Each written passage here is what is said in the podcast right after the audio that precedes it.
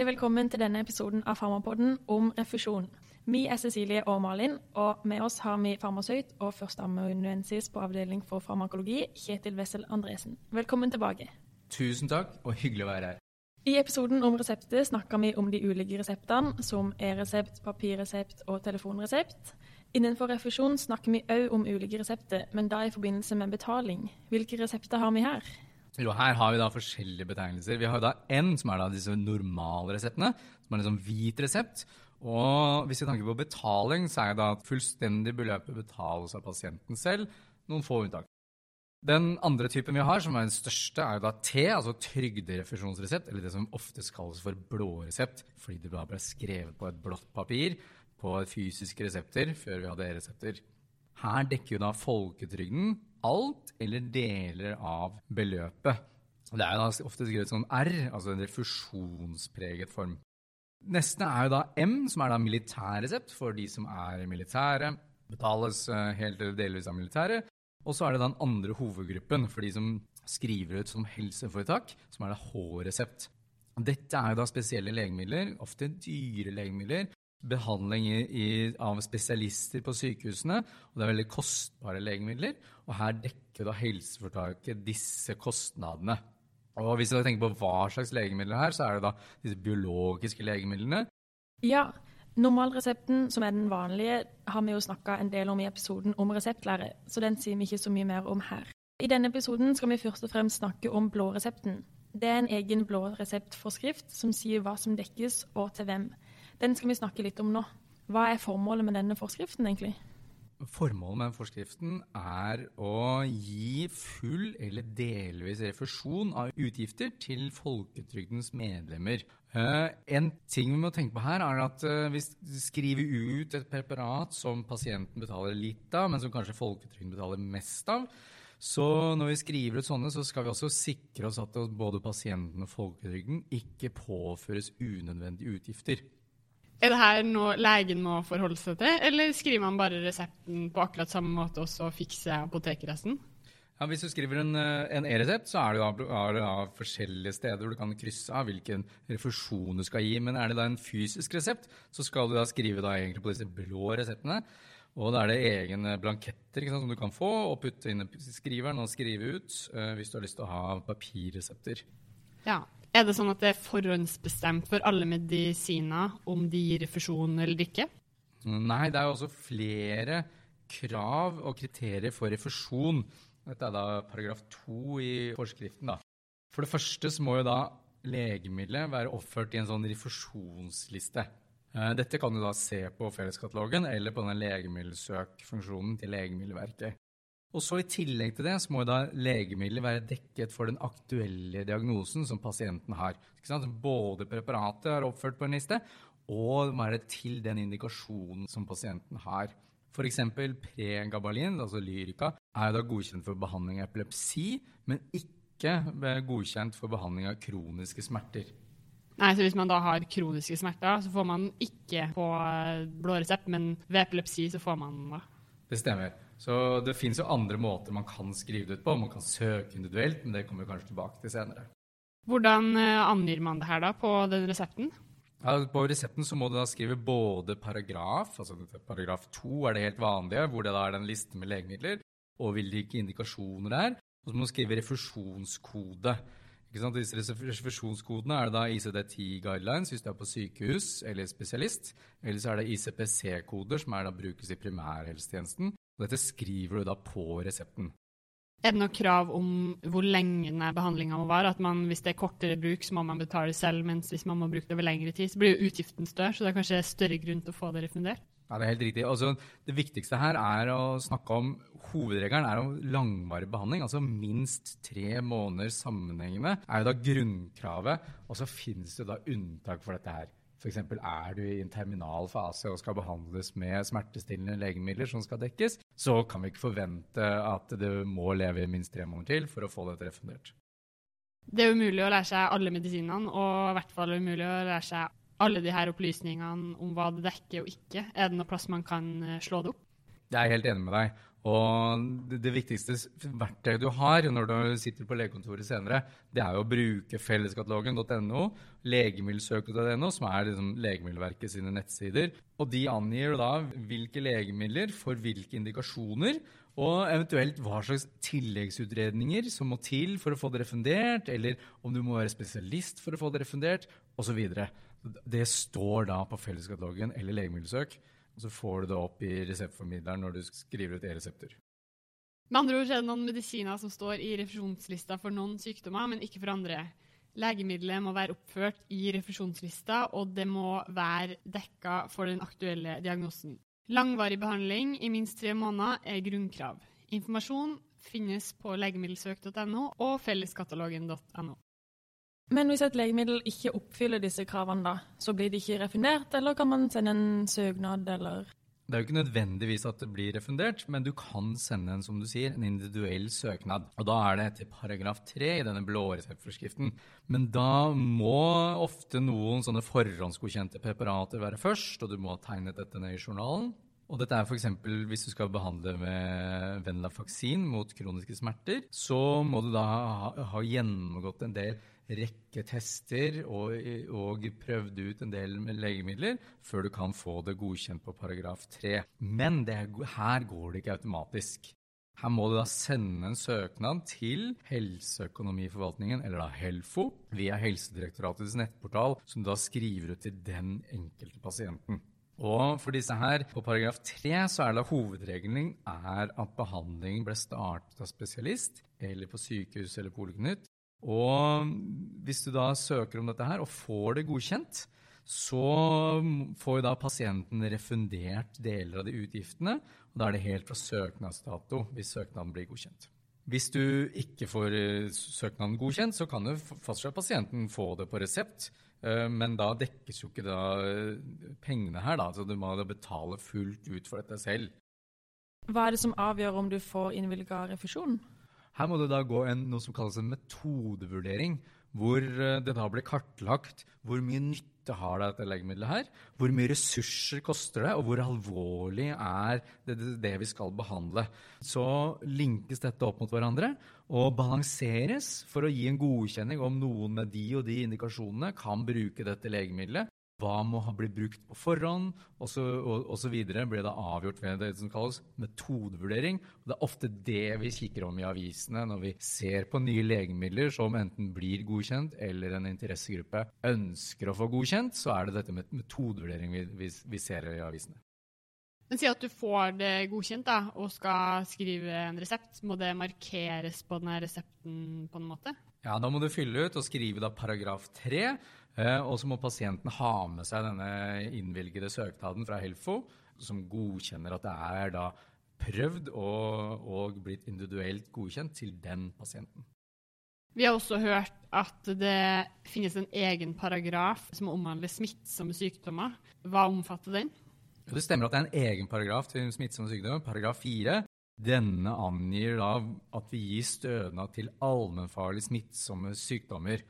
Og Eksempler her er jo da hiv, syfilis, hepatitt, sars, gonoré, gulfeber med mer.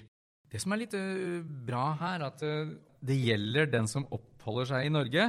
Det er ikke noe krav om medlemskap i folketrygden. Så vil si at er du turist, eller som må være en pandemi når dette opptaket er, så er det utenlandske arbeidere vil det omfattes av denne paragrafen, selv om de ikke har medlemskap i folketrygden. Og Da er det jo to ting. Uh, vi kan jo da ikke kreve at det er langvarig behandling. Trenger jo ikke å ha noe over tre måneders bruk. Mange av disse er jo behandlet innen kort tid, tre til syv dager. Og hvis du tenker på hva skal du skrive på resepten, så er det bare paragraf fire. Du trenger ikke å skrive noen koder.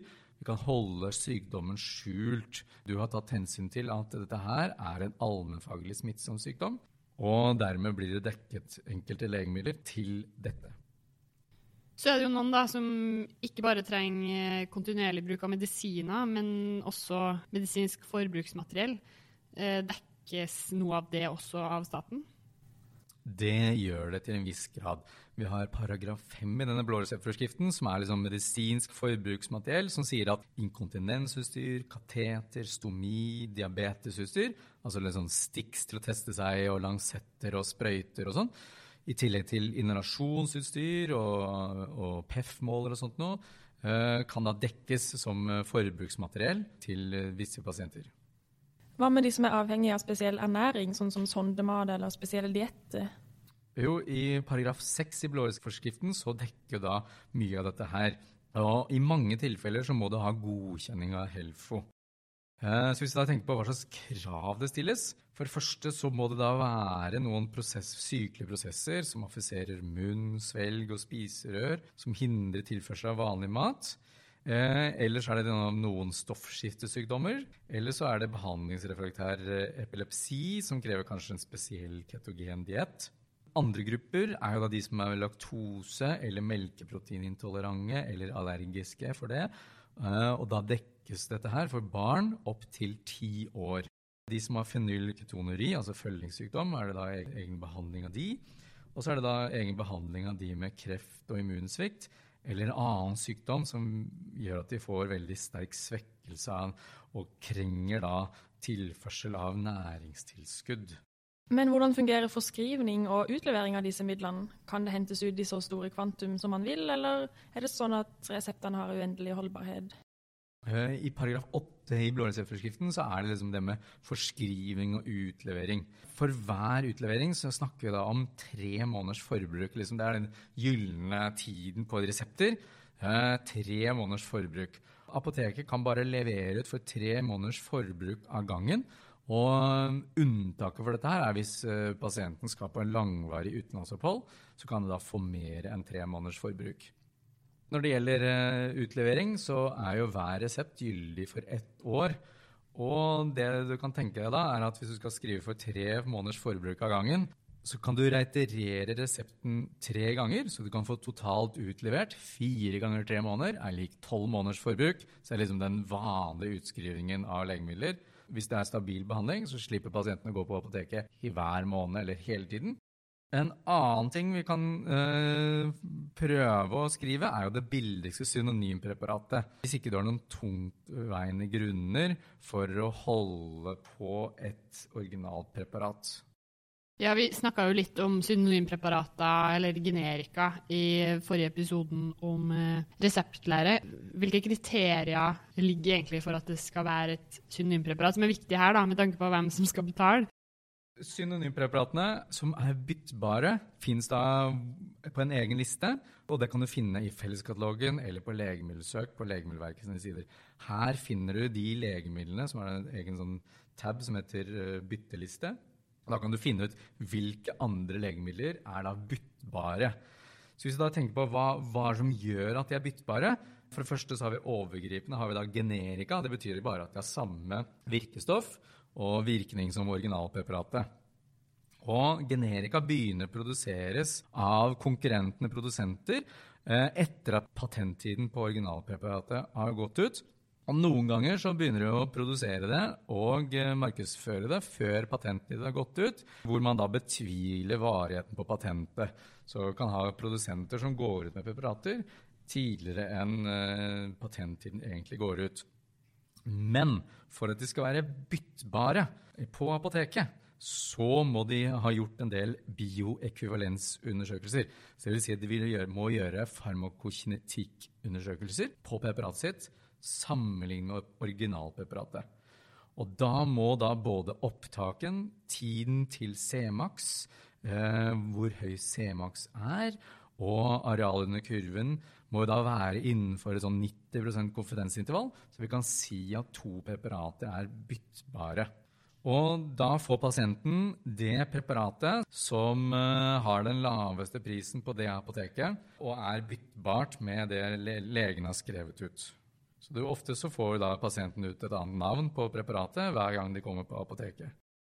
Jeg har også hørt begrensa bytte bli nevnt i ulike sammenhenger. Hva betyr det? Og det er da for eh, noen preparater som er da bioekvivalente, men som har da veldig lite terapeutisk vindu, altså liten forskjell mellom virkning og bivirkning, eh, de er det da et begrenset bytte. sånn at eh, når man starter opp behandlingen, så er det da bytte kan skje akkurat da, og ikke ellers. Og hvis det da f.eks. er tomt for et legemiddel, så må da både må da apoteket kan ikke bare levere det et annet legemiddel. Da må de konferere med legen, og så må da legen tenke at ok, nå må jeg passe på at de ikke har, de får et nytt preparat, at det ikke går inn i bivirkning eller mangel på virkning, siden et preparatet har en veldig liten terapeutisk bredde. Det hørtes jo veldig smart ut. Men er det noen andre grunner til at det kan være Eller noen andre situasjoner hvor det er grunn til å reservere seg da, mot det her generiske byttet? Ja, ja, du kan alltid reservere deg mot bytte når det er viktige individuelle og medisinske grunner for det. Da må du angi det i journalen. Og en av de største grunnene til at pasienter skal få dette, her, er hvis de bruker mange legemidler og sliter med å holde orden på de forskjellige legemidler.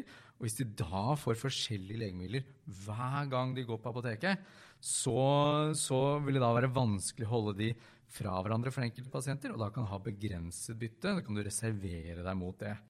Andre grunner er hvis pasienten tidligere har fått allergiske reaksjoner eller en reaksjon på dette her mot noen av innholdsstoffene som ikke er relatert til virkestoffet. Så kan du gjøre det. Ja, og det er da fordi, som du sa, da, de andre stoffene i tillegg til virkestoffet er annerledes, og de kan da interagere med andre medisiner, eller at du ikke tåler de. Ja, og spesielt det siste, at de, man vil reagere på da innholdsstoffene eh, som er lagt til tabletten, f.eks. Så det er da legen som må bestemme og skrive ned det. Men hva om pasienten da bare ønsker det faste preparatet eller det som den har fått forskrevet eller brukt tidligere, ja. uh, uten at legen ser noen medisinsk årsak til det? Altså, Pasienten har alltid mulig grunn til å bytte tilbake til det preparatet de ønsker selv, men da kommer det litt på med betalingen. For da må, må pasienten betale mellomlege mellom det dyrere preparatet de vil ønske seg, ofte det dyrere, Eh, sammenlignet med et rimeligere preparat som eh, apotekkjedene kanskje har forhandlet en mye lavere pris for. Så hensikten er at uh, staten eller helseforetaket skal belastes da, økonomisk i minst mulig grad? Ja, altså Hvis to preparater er byttbare, og det ikke er noen reservasjon, så skal vi gå for den den laveste prisen, eller vi kommer på noe som heter trinnpris, uh, som refunderes. Og det er for å begrense utgiftene til Helfo og helseforetakene. Men ikke at du har fått en, eh, en eller annen da, resept eh, som skal dekkes av eh, Helfo. Dekker de da alt, eller må du også betale noen egenandeler på de her blå reseptene? Altså, Hovedregelen er jo at staten betaler jo ikke alt. Eh, man betaler jo ofte en egenandel. Hvis vi går videre i den blå reseptforskriften, paragraf 8, egenandel. Og egenandelen i år er jo da 39% av beløpet eller maksimalt 520 kroner. Så dette, disse varierer jo hele tiden, avhengig av statsbudsjettene. Så det er sånn det er i år, og det er liksom en, en prosentandel man skal betale opp til et visst punkt per resept, eller antall resepter som er skrevet på samme dag. Så kommer da det jeg sa om trinnpris, når man først snakker om det. Trinnpris er jo da denne maksimale prisen som folketrygden refunderer, og som pasientene må betale. Hvordan bestemmes denne trinnprisen? Eh, når et preparat har fått stabil konkurranse, dvs. Si at eh, patenttiden har gått ut, og det har kommet flere generika på markedet som er byttbare, så kuttes prisen i fastlagte trinn fra en maksimalpris hver gang det innstiller seg en ny, stabil konkurranse. Og det kan gjennomføres tre sånne kutt. Og på det siste kuttet så er vi nede på 69-90 reduksjon av prisen før konkurransen begynte.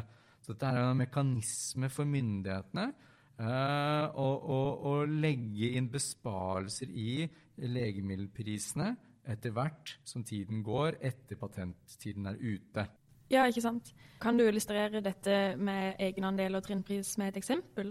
Jo, hvis vi kan tenke på trinnpris og legenandel. Hvis vi skriver ut et legemiddel som har en trinnpris på 600 kroner, så betaler man alltid en egenandel av de 600 kronene, og per i år så er det da 39% altså 234 kroner. Hvis pasienten velger et dyrere preparat, f.eks. et til 700 kroner, så må du betale dette mellomlegget mellom 700 og 600 må du betale selv. Så kan pasienten velge å bytte legemiddel og betale 234, eller beholde originallegemiddelet og betale 334. Siden legemidlene er bioekvivalente, så er det jo ikke noe forskjell i virkningen for pasienten, bortsett fra på lommeboken, da. Ja, det ga veldig mye mening. Eh, Er det noe unntak fra denne egenandelen? Ja, Der har vi ett unntak som er veldig viktig, og det er barn opp til en viss alder. Og så er det et sånt tak. Så, så man ønsker jo ikke at eh, noen skal påføres veldig store utgifter, som, som man har sagt. Påføres det utgifter over eh, I år så er det 2460. Eh, så gir da som frikort. Og da er det egenandel fra både legemidler hos legen egenandel, taxier i behandlingssituasjoner og annen behandling som går inn i dette egenandelstaket opp til et visst punkt, og da får man frikort, altså man får fritak for egenandel utover det. Men du må fortsatt betale over trinnpris hvis du velger et dyrere legemiddel. Ok, Men er det samme frikort for både lege, fysio og ulike ting? Ja, så det er alle egenandeler du betaler, regnes mot det samme. Så det er jo for å sikre at de som har veldig store utgifter, ikke skal bli ruinert økonomisk eller unngå å drive med behandling fordi de ikke har råd til det. Så jeg har sagt liksom at det er opp til en viss punkt så må vi betale egenandeler til. Over der er vi fritatt.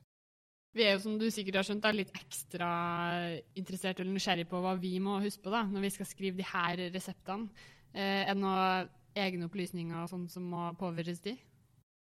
Ja, eh, du må jo da skrive i journalen krisen, og må jo da gi tilgang til Helfo, som betaler for dette her, til disse opplysningene hvis du ønsker det. Det viktigste er jo kanskje at hva skal du skrive på resepten? Så du kan skrive en vanlig resept på blåresepter, men du må jo også påføre den refusjonskoden. Så i paragraf to, som har jo da eh, disse preparatene som var på en liste, og hvilke indikasjoner de hadde, så må du da skrive på hvilken refusjonskode som gjelder for din pasient. Ved individuell søknad, paragraf 3, eller eh, allmennfarlige med sykdommer osv., så, så må du da påføre hvilken paragraf det gjelder. I tillegg til det så kan du jo gi reservasjoner mot bytte. Da må du skrive opp det og journalføre det eh, om du har en reservasjon mot bytte av det preparatet. Vi skal absolutt ikke oppfordre det, men det er ingen tvil om at det her kan jo potensielt utnyttes. Eh, hvis det oppdages, hva skjer da? Um, i, vi har da en del sanksjoner i den samme forskriften mot da legene som behandler, eller da hvilken tjeneste man gjør.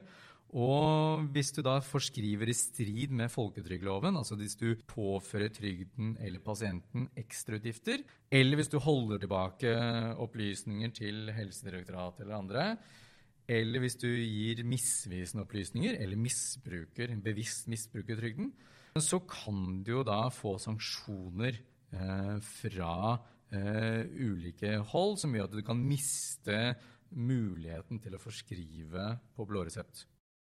Vi vet at uh, yngre jenter eller kvinner, i hvert fall de mellom 16 og 22, får dekka en del kostnader for prevensjonsmidler, for noen av de er jo litt dyrere. Kan du fortelle litt mer om det? Ja, Disse er jo ikke omfattet av blåreseptforskriften. Dette her er omfattet av litt annet regelverk, så der er det jo det litt annerledes. For det første, så, som vi husker fra før, de reseptens gyldighet for p-piller og prevensjonsmidler er jo da tre år. Eh, hva dekkes? Jo, det dekkes prevensjonsmidler opp til et visst beløp per tredje måned. Akkurat nå er det 120 kroner. Og da er det hvem gjelder det for? Jo, det er jenter en måned etter de er 16 og en måned før de er 22. Da kan du da få dekket dette beløpet på prevensjonsmidler. For hva om man bruker de her langtidsprevensjonen, da, som p-stav, de kan jo brukes tre til fem år, og spiraler og sånn, for de er jo ganske dyre. Hvordan regner man det da? Det er samme utregningen, så man bare tenker på hvor lenge behand en behandling går, og så er det 120 per tre måneder, og så bare ganger man det opp til hvor lenge den behandlingen foregår. Går det an at man kan få det dekka før man blir 16 år? Eh, Det er ikke noe økonomisk dekning før man er 16 år. Det er mulig å skrive ut resepter til før man er 16, men ikke eh, å dekke det. Ok. Eh, Du nevnte så vidt hårresept eh, i starten av episoden. Vi må snakke helt kort om den òg. Hva er egentlig det? Jo, dette her er jo da disse helseforetakfinansierte le- reseptlegemidlene. Og dette er jo da til bruk utenfor sykehus, men det finansieres av helseforetakene. Og det initieres, altså hvem forskriver det? Jo, det er jo da helseforetakene som forskriver det. Folketrygden er ikke stønad og det er jo da helseforetakene som finansierer det, så det går av deres budsjetter. Eh, og der bestyrer at helseforetakene bestemmer selv hvilke leger som kan rekurere legemidler på H-resepter i sitt helseforetak.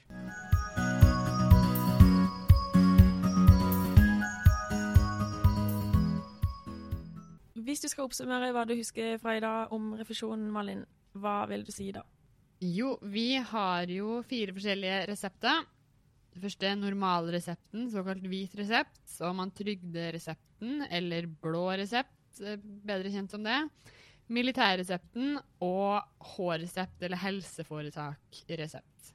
Og vi har jo snakka mest om, eller egentlig bare om blåresepten, og den har en egen forskrift som vi har vært gjennom i dag.